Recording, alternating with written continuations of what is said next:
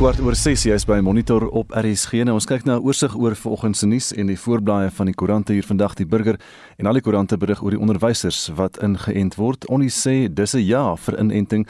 Tot 75% van die Wes-Kaapse Onderwysdepartement is geregistreer en hulle dis Debbie Schiefer die ALR daar of die provinsiale minister in die Wes-Kaap wat daar aangehaal is toe die eerste 50 onderwysers gereed gesit het by die sentrum in Pineland Pinelands waar hulle ingeënt is teen die koronavirus. 'n Berig ook in die burger vandag oor Pretty Yende en dit is hoekom Yende op die lughawe aangehou is. Daar is 'n hele storie oor haar wat aangehou is op die lughawe. 'n Berig wat sê Weskus legende van Pater Noster sterf. Dis Johan Carusini en um, hy was 81 jaar oud gewees. Johan Carusini van Pater Noster. 'n Ander berig hier op die voorblad van die burger, die laaste Nysna olifant is op 'n plaas afgeneem. Is die enigste oorblywende olifant daar in die Nysna bos. Hy is in die Karatra gebied afgeneem op die plaas Oubaas Fourie. Is die eienaar het dit met 'n selfoon geneem. Die mense het kom houtel uh, toe hulle die olifant gewaar daar in 'n beboste gebied en hulle sê die olifant is eintlik in 'n baie goeie toestand en sy het later net so tussen die bome weer verdwyn en in beweeg. Die voorblad van beeld in die noorde van die land, die onderwysers word ingeënt hier ook. Geen groot haakplek op dag 1 Panjaza Lesofie die LER hier word aangehaal. Hy wil die veldtog in 3 weke afhandel sê hy. Gauteng het 60 uh, persele waar werknemers in die onderwyssektor ingeënt word. Nog 'n berig hier wat sê vrou dalk dood na sy gasse inasem. Dis interessant want dit is gasse van 'n insekdoder wat sy ingeasem het. Martie van der Westhuizen was 59. Haar man Willie is ook deur die gasse oorval en hy sterk nog in 'n hospitaal in Potchefstroom aan. Die digitale voorblad van Volksblad het ook die inenting in Bloemfontein van die onderwysers. Ons het gister met Kloete van Vuren gepraat oor die Universitas Hospitaal waar daar min gebeur, maar toe nou gisteroggend voor 7:00 was daar reeds 1000 onderwysers reg vir hulle Johnson & Johnson by die Universitas Hospitaal. Op Business Day is 'n voorblad vandag en dit is die storie oor die hospitaal hier in Johannesburg uh die uh, soos wat die derde vlag um aangenader gekruip het sê hulle het Gauteng aan dit na die mooi woord dithered Gauteng het gedither. Dit is nou voete sleep om die Charlotte Macleay Hospitaal weer aan die gang te kry en oop te kry na die brand. Ook die storie oor digital vibes. Dit is nou die die uh, maatskappy wat uh, Zweli Mkhize se einde gekos het as gesondheidsminister. Hulle bates is bevries deur die spesiale ondersoekeenheid. Internasionale nuus op bbc.com. Mens kan nie glo dat Britney Spears is die hoofnuus internasionaal nie, so ek gaan dit dadelik ignoreer. Ateense priester is in hegtenis geneem vir 'n suuraanval op biskoppe. Dit is nou 'n priester wat gevang is met kokain en toe in sy tug verhoor met die biskop het goeie suur op die biskoppe. En 'n Britse oorlogskip het daar in die Swartsee naby die kus van die Krimskiereiland gekom en toe kom die Russiese uh, aanvalsvliegtuie en bote en begelei die Britse oorlogskip. En dis net so vinnige oorsig dan oor vanoggend se nuus. Ons gaan nou eers voort na ons uh, eh, SMS vraag toe. Ons het later in die program 'n bydra oor daai wedstryd en die eenheid wat dit in die land geskep het. Intussen wil ons by jou weet, kan jy dit onthou waar was jy op 24 Junie 1995 die in die met die eindstryd? Was jy in 'n kroeg, was jy by vriende? Het jy radio geluister en watter emosies het jy beleef daai dag? Stuur vir ons 'n SMS na 45889, dit kos R1.50 of gaan na Monitor en Spectrum se Facebookblad of WhatsApp stemnota na 076 536 6961. Ek herhaal daai nommer 076 536 6961. Van der Westhuizen het loop na Stransky. Hy gaan skep skop paal toe. Dis 'n hoë skop deur hom. Ja, hy's daar. Hy's daar. Nee, ja, daai dan uh, Joel Stransky se skepskop en die man wat daar praat is Heinrich Marnitz. Sopat na 20 minute oor 6 by monitor na die hofgeding tussen die ANC en die party se geskorste sekretaris-generaal Ys Magashule begin vanoggend virtueel in die Suid-Gautengse Hooggeregshof. Die Magashule wil hê die hof moet sy skorsing tersyde stel en ook die party se op sy staan reël ongrondwettig verklaar. Vincent Mofokeng het hierdie verslag saamgestel. I was dismayed to receive a letter from the Deputy Secretary General. I was so dismayed and disappointed. The ANC is acting in an unfair measure. If we have committed any crime, because I can tell you, I have not committed any crime. I'm being charged with oversight. What is that? Negligence? Is there any such charge in terms of the criminal law. And I know they know that this one is not the case they are going to win. Terwyl hy die saak vanoggend voor die hof stel, wil Ys Magashule hê dat sy skorsing onwettig, ongeldig en ongrondwetlik verklaar word. Hy betwis ook die reël wat gebruik is om hom tydelik te skors en sê dit strook nie met die ANC en die land se grondwet nie. Iets wat sy adjunk, Jessie Duarte, verwerp het. The constitution of the ANC does not offend in any part any portion of the constitution of the Republic of South Africa. You join the ANC voluntarily and you take an oath to abide by its constitution and the rules that are contained therein. And we need to enable organizations like ourselves to be able to survive with rules. You join voluntarily. And when you join voluntarily, you take the responsibility for what is in that constitution. We believe that if you are a leader in the ANC, then the onus is really on you to do the right thing. Simple as that. Duarte is ook ontevrede dat 'n senior partylid soos Magashule weier om die partyreëls na te kom en daarop aandring dat hy nie die eerste senior partyleier is wat gevra word om op sy te skuif om die ANC verleentheid te spaar nie. Let me remember the people who've stepped aside voluntarily and who they are. Sbunde Bele, ambassador to Australia, was accused of some tender issue, stepped aside from the NEC immediately, came home from Australia on his own, didn't have to be asked. When the trial was over and his name was cleared, he went back to Durko and said, Can I get my job back? And they gave him his job back. Paulo Jordan, whose history in the ANC is second to none, he was accused of something. He chose not to embarrass the ANC. He stepped aside. There's Mdu Manana. He stepped aside as a deputy minister. So it is unprecedented for a senior leader of the ANC not to want to protect the organization in terms of Rule 2570 and accept the organization's discipline in this regard. En president Cyril Ramaphosa is ook verbaas dat 'n hoë amptenaar soos Magashule sy party hof toe kan neem. A Secretary General to decide to take his own organization to court and to question the constitutionality of the very constitution that he's been uh, implementing and adhering to is a big surprise. This is unprecedented, but we will obviously need to go through that. The matter is now sub judice, and we must let the process run its full course. Maar Magashule wys ook vinger na die president In sy hofstukke wil hy ook hê dat die hof 'n opskortingsbrief moet bevestig wat hy aan president Ramaphosa oor die resolusie van 2017 uitgereik het, gebaseer op die beweringe dat hy die regerende party gekoop het. Magashule is deur die nasionale uitvoerende komitee beveel om aan die einde van Maart te bedank na die aanbeveling van die integriteitskommissie in Desember.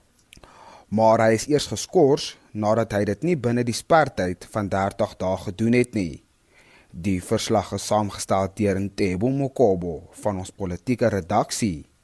Ek is Vincent Mufokeng vir SAI garnis. Die spesiale ondersoekeenheid het 22 miljoen rand bevries wat behoort aan die kommunikasiemaatskappy Digital Vibes. Die maatskappy is betrokke by die korrupsieskandaal waarby die minister van gesondheid, Dr. Zweli Mkhize en van sy familielede glo betrek word. Die eenheid het die bevel verkry as deel van sy ondersoek na aantuigings van onreëlmatige transaksies tussen Digital Vibes en die departement van gesondheid ter waarde van 150 miljoen rand. Die eenheid sê hy hoop om sy ondersoek teen einde volgende week af te handel en 'n verslag daaroor aan president Cyril Ramaphosa te oorhandig. Die woordvoerder van die eenheid Kaiser Kanyago We are going to, in the end of this investigation, if we find that there is criminality that was committed, we will then send that to the NPA and make follow up so that that matter can be dealt with as speedily as possible. And then for, on our side, we also going to send some of the referrals to the Department of Health for the officials to be disciplined for whatever they need to be disciplined for. That we would find at the end of this investigation. From our side, we will then go back to the special tribunal and make sure that we cancel this contract. We set it aside and, and, so that nobody can claim against this contract ever again. You will understand that the 22 million is the monies that we found when we started the investigation, the monies that we found in the bank accounts of people. Obviously, some of the money has already been used to buy other things, and we'll get to that when we deal with this matter at a later stage. But we will make sure that each and every money, whether it is given to the third or the fourth person, will follow the money and make sure that we see where the money has gone to and what it went to that person for. En so sê Kaiser gaan Jago die woordvoerder van die spesiale ondersoekeenheid. Kom ons gaan na Estie toe. Estie, hoeveel van die luisteraars onthou daai skepskop? Anita baie onthou allerlei herinneringe aan daai dag. Marita uh, Borchet Brand skryf. Ek in Kanaven gewoon Nikki Panos die eienaar uh, die eienaar van die hotel het 'n groot skerm daar staan gemaak en al wat leef en beef was daai dag in die hotel om te kyk hoe die Springbokke gewen het. Noodloos om te sê die eindvletjie het vir ons eers baie laat of is dit nou baie vroeg die volgende oggend geblaas? Stefan de Bruin laat weet ek was 16 ons het by die huis gekyk ek my suster my ouers en my ouma ons het in die einde amper teen die TV-skerm gesit. En toe die eindvletjie blaas, was selfs my ouma wat toe al moeilik geloop het ook uit haar stoel uit. Die dorp se strate was vol mense en motors wat toeters blaas. Dit was 'n onvergeetlike dag. Anet Joubert Tron skryf: Ek het opgewonde net die laaste 10 minute verlengde speeltyd in 'n motor in 'n parkeerterrein oor die radio geluister. My broer en sy vrou is tydens die wedstryd getroud en die troue is natuurlik maande voor uit al beplan en niemand het gedink Suid-Afrika sou die eindstryd maklik haal nie. En die predikant het van ver af gekom en wou uiteindelik nie die tyd uitskuif nie. Loerus om te sê daar was geen mans in die kerk tydens die seremonie nie. En Gwyneth Holtzhausen skryf ons ons het in Rosettenwil gebly en gesien hoe die Boeing oor ons woonstel gevlieg het om om by die rugbyveld uit te kom. So ons wil vandag by jou weet, dis vandag 26 jaar gelede het Suid-Afrika vir die eerste keer die Wêreldbeker rugby toernooi gewen en ons wil by jou weet, waar het jy dit gekyk en wat kan jy van daardie dag onthou? Jy kan 'n SMS vir ons stuur na 45889 teen R1.50 per SMS. Gaan maak 'n draai op ons Monitor en Spectrum Facebookblad en vertel jou storie daar of jy kan vir ons 'n stemnota stuur na 0765366961. Dis nou 26 minute voor 7 en hier is Shaun Jooste met volgens se sporthoogtepunte. Ons kyk vanoggend eers na die internasionale kriketraad se toetskampioenskappe eindstryd wat vir groot opwinding gesorg het. Met India wat op dag 6 van die toets vir net 170 lopies uitgeboonder is, moes Nieu-Seeland 139 en 53 bilbeurte aanteken om as die eerste toetskampioene gekroon te word. Die kaptein Kane Williamson en Ross Taylor was voor die binne toe Nieu-Seeland op 142 vir 2 eindig en met 8 paltjies seëvier. Die Nieu-Seelander Kyle Jamieson was die speler van die toets en het 7 paltjies laat kantel. Engeland het Sri Lanka gisterand in die eerste wedstryd van hulle T20 reeks met 8 paltjies afgeronsel. Hulle pak mekaar vanaand in die tweede van 3 wedstryde. Op die rugbyveld het die Lions gisterand se Curriebeeker wedstryd in Johannesburg met 38-32 teen die WP gewen. Hulle was rustyd 24-10 voor. Die junior bokke bly onoorwonde in die internasionale onder 20 reeks nadat Argentinië gister met 33-26 geklop het. Hulle speel oor 4 dae in hulle laaste groepswedstryd teen Georgië. Sokker. Die tellings in gister se Europese kampioenskappe was Portugal 2, Frankryk 2, Duitsland 2, Hongarye 2, Swede 3, Pole 2 en Spanje 5, Slowakye 0. Die groepsfase is nou afgehandel en Swede, Spanje, Frankryk en Duitsland het ook na die laaste 16 ronde deurgedring. Portugal, die Tsjechiese Republiek, Switserland en die Oekraïne kwalifiseer as die beste vier spanne wat derde geëindig het.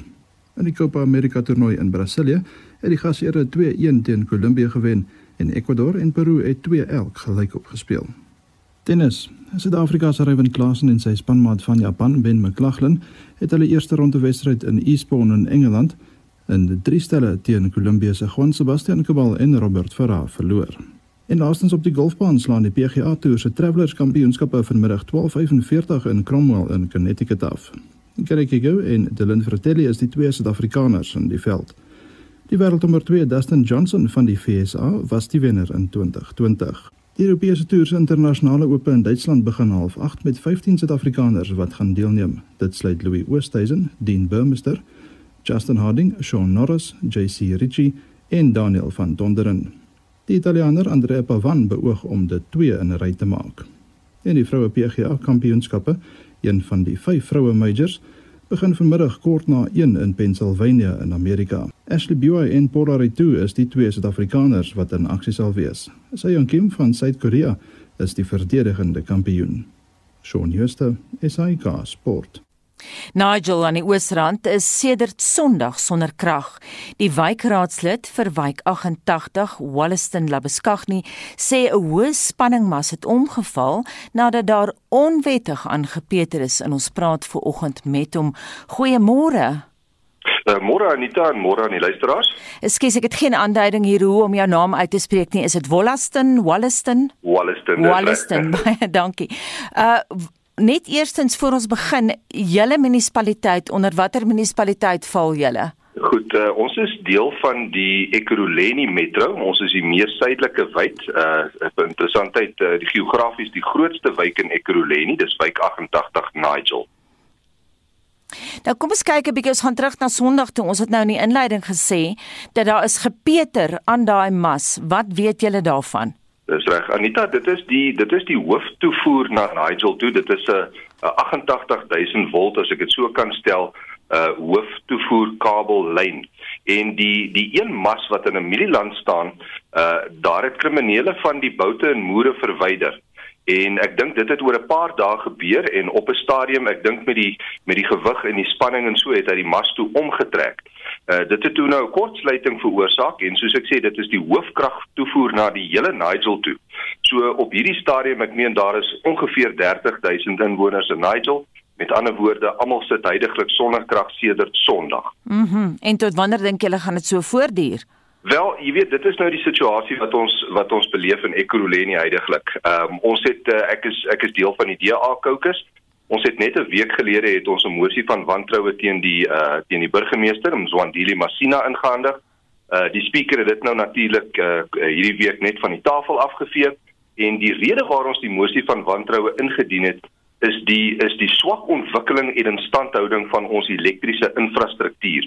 Nou wat gebeur het in Nigel byvoorbeeld is daai hooftoevoer is die enigste kragvoorsiening na Nigel toe.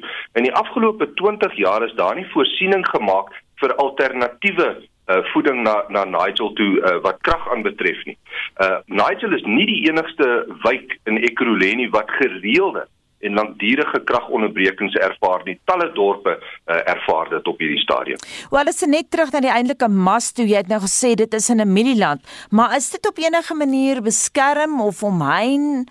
Dit was nie omheind of beskerm gewees nie Anita. Uh, wat ons nou gaan doen is Ek het nou sedert Sondag het ek alles in my vermoë gedoen om die amptenare uh, te ooreed en te kry om 'n kontrakteur aan te stel om die herstelwerk te doen. Nou gelukkig is daar 'n maatskappy in Nigel wat nou goed gunstig aangebied het om om 'n tydelike struktuur, 'n paar tydelike houtstrukture op te rig sodat ons net in die volgende paar dae weer elektrisiteitstoevoer kan kry.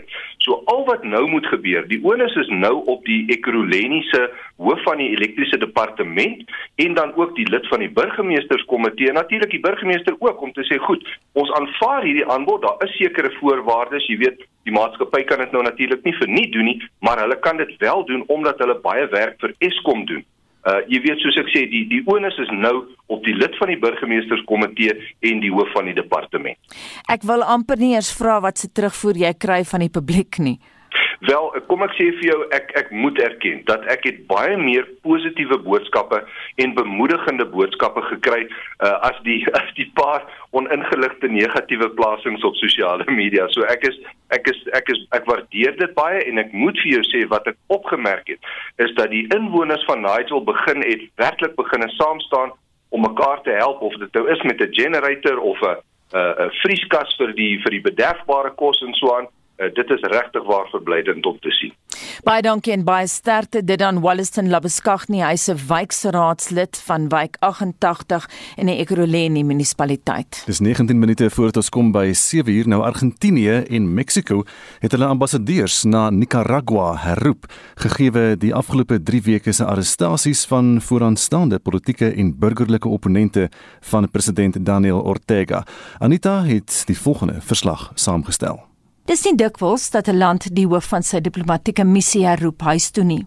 Die feit dat beide Argentinië en Mexiko nou die stap geneem het, is buitengewoon en kommerwekkend, sê professor Lyle White van die Brent Institute in Johannesburg. We very seldom see the withdrawal, especially of countries within a region, the neighboring countries. So the withdrawal of countries or diplomatic representation of Argentina and Mexico from a fellow Latin American country is a very unusual one and one that must be looked at with great concern, given that Argentina and Mexico have previously been staunch supporters of Nicaragua throughout Ortega's presidency. Gevra wat die reaksie van dit Managua gaan wees, het White sonder skroom die woord enorm gebruik.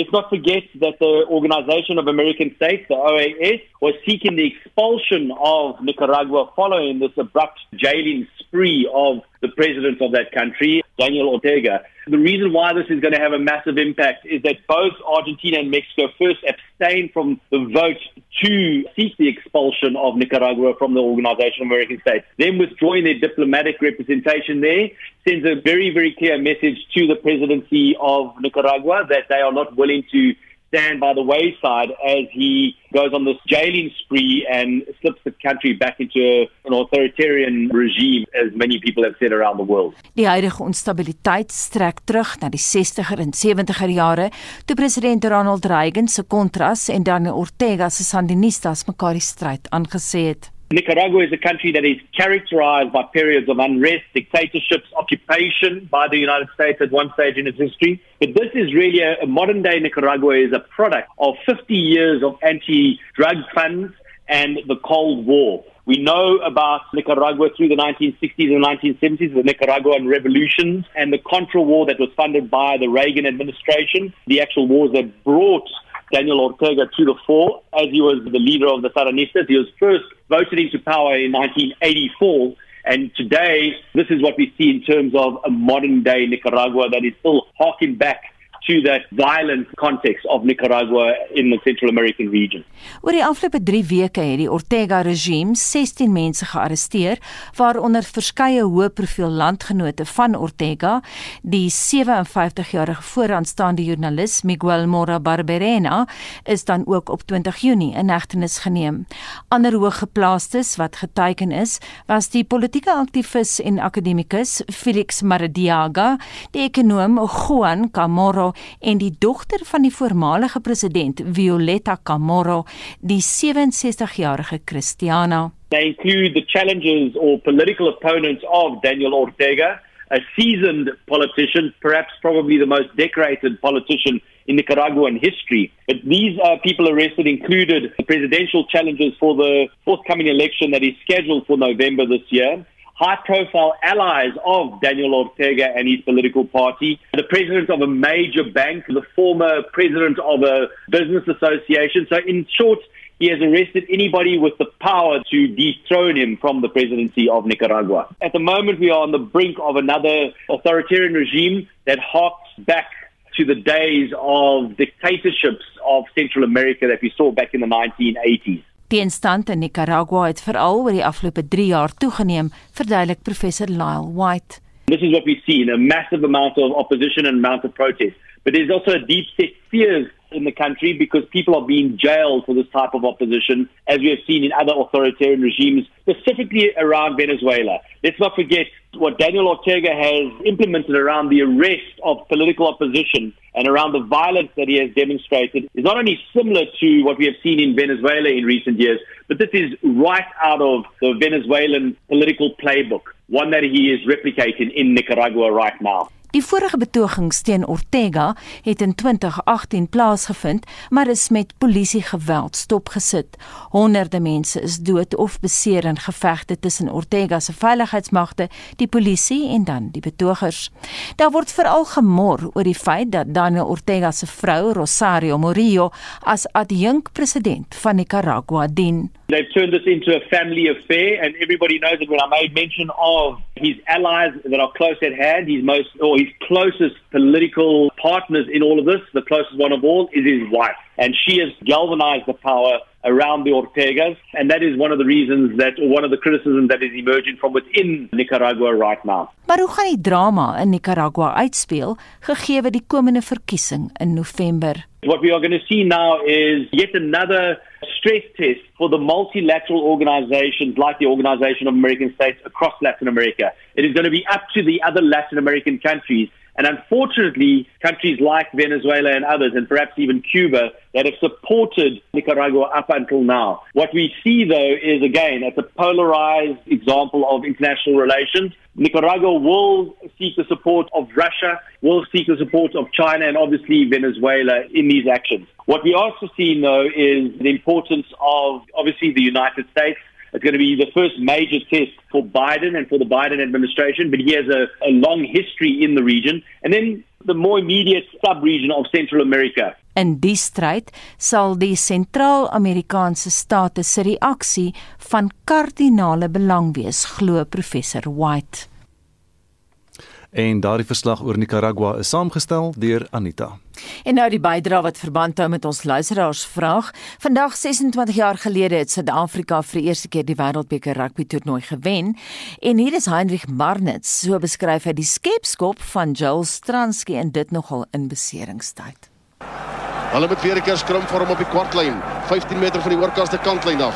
En die telling is 12 elk. 7 minute speel dit met oorbly van der Westhuizen gooi in Strolio vas van der Westhuizen en loop na Stransky. Hy gaan skep skop paal toe. Dis 'n hoë skop deur hom. Ja, hy's daar. Hy's daar. Stransky skep skop tussen die paal deur. Dis ongelooflike oomblikke. En Suid-Afrika het 15 punte, Nieu-Seeland het 12 punte na bly 7 minute speel dit oor en Ellis Park bars uit sy nate. Hy stem daar van Heinrich Marnet sy is agter die mikrofoon gewees op 24 Junie 1995 toe die Bokke die All Blacks 15-12 geklop het om die Webb Ellis trofee op Ellis Park Johannesburg te lig. Nou die Springbok span is toe nou in 1995 as die nuusmakers van die jaar aangewys en die bokkaptein François Pinaar het aan Herman Kutse vertel hoe hy oor die eer voel sonder enige uitsondering was dit die beste tyd en tot dusver is nog die beste tyd in ons lewe. Ek dink dit sal vir lank lank wees en is fantasties om te weet dat jy nuusmaker is. Nuusmakers gaan oor positiewe goeders. En is vir ons net uh, baie lekker om eh, 'n uh, positiewe beeld uit te straal en dis wat ons in die wêreldbeker ervaar het en en dit wat ons land nodig het. Die hoogtepunt van die toernooi was sekerlik die skeptoe van Jill Stransky in die eindstryd teen Nieu-Seeland en toe die naalbyt laaste 7 minute om aan hulle voorsprong vas te klou. Was daar nog twyfel in jou gemoed in daardie stadium dat Nieu-Seeland nog die wedstryd kon wen? Hulle fantastiese span en ons was bekommerd geweest. Ehm um, maar uh, dit was ek dink dit was vir ons bestem geweest. Ons het net gespeel, ons moes hard uitgespeel. Ons was in die aanval geweest die laaste 7 minute. So dit sou uh, regtig 3 van van hoë standaarde moes gewees het as hulle daar wou gaan druk en en ek was net baie bly toe die eindvlakkie blaas. Die span se lese van een span een land het besonder goed gewerk. Het julle die eenheid van die land in die besonderse dag in die toernooi deurgangs kon aanvoer? Ja, definitief het die, het die skaar ons baie gehelp. Um, dit was ons tuisveld, dit was ons mense en uh, dit was fantasties om voor Suid-Afrika in 'n wêreldbeker eindstryd te speel. Dit kon net sowel anderster gewees het dat ons die druk nie sou kon verwerk nie en dit was een van ons um, groot bekommernisse voor die tyd, maar ons het dit omskep in 'n in 'n positiewe gesindheid en uh, dankie vir die mense wat ons gehelp het. Wat was die sponsor reaksie toe president Mandela met 'n Springbok trui met die nommer 6 op die rug by die span verskyn het. Ek was veral verbaas geweest. Ek meen dit is vir my baie dis 'n trotse oomblik. Ehm um, dis iets wat ek nooit sal vergeet nie.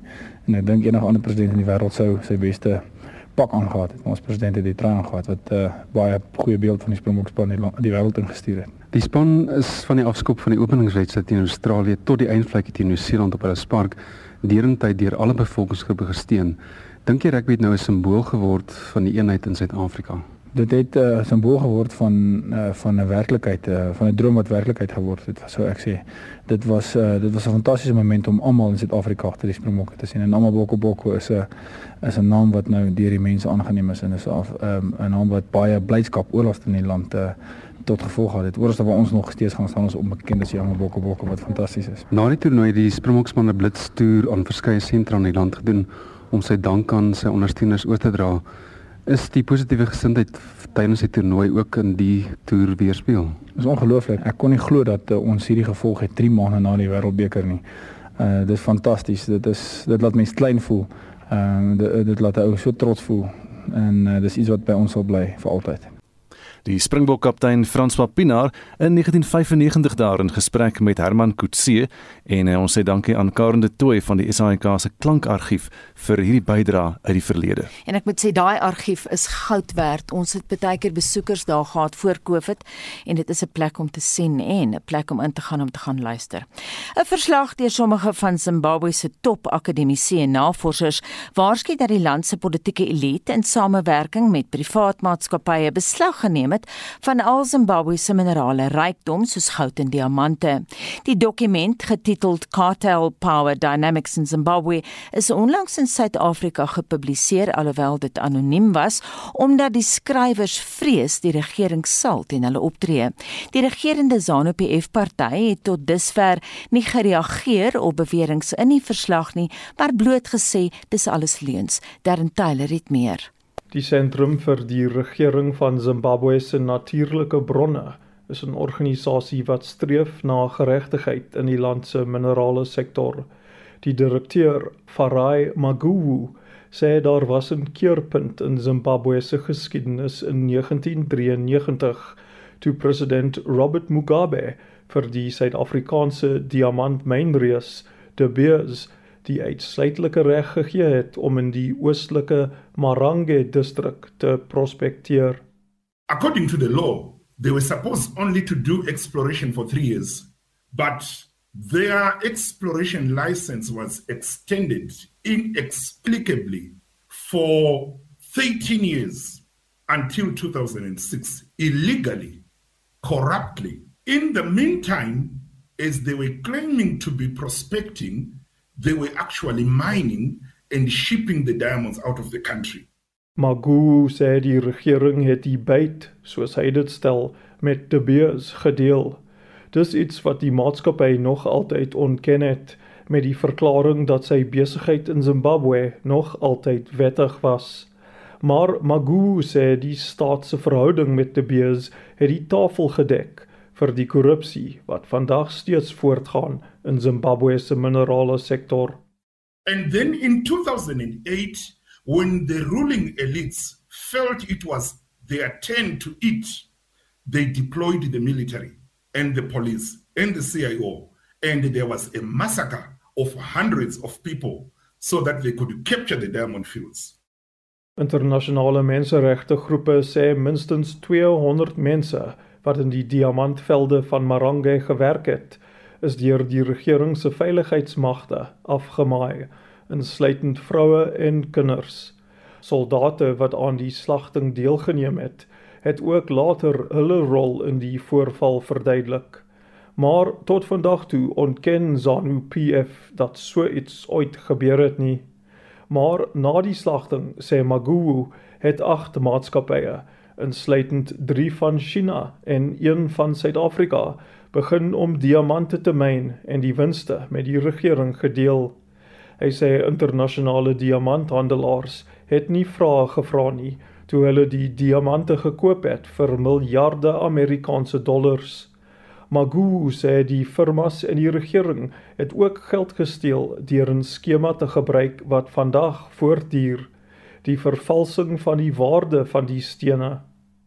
Diamonds in Marange are 90% industrial quality and 10% gem quality. But when they report to the nation on what we are earning from our diamonds, it's always they are poor quality. Uh, they are sold at $40 per carat, which is very further from the truth. Magu sê groot internasionale mynfirmas bly baie bedrywig in Zimbabwe.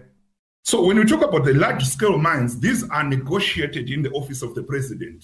He is giving special grants to these people, mainly from China. It is only the president and the minister of mines who really know who these people are. So they are not answerable to parliament. They are not even answerable to the government as a whole. They are answerable to themselves.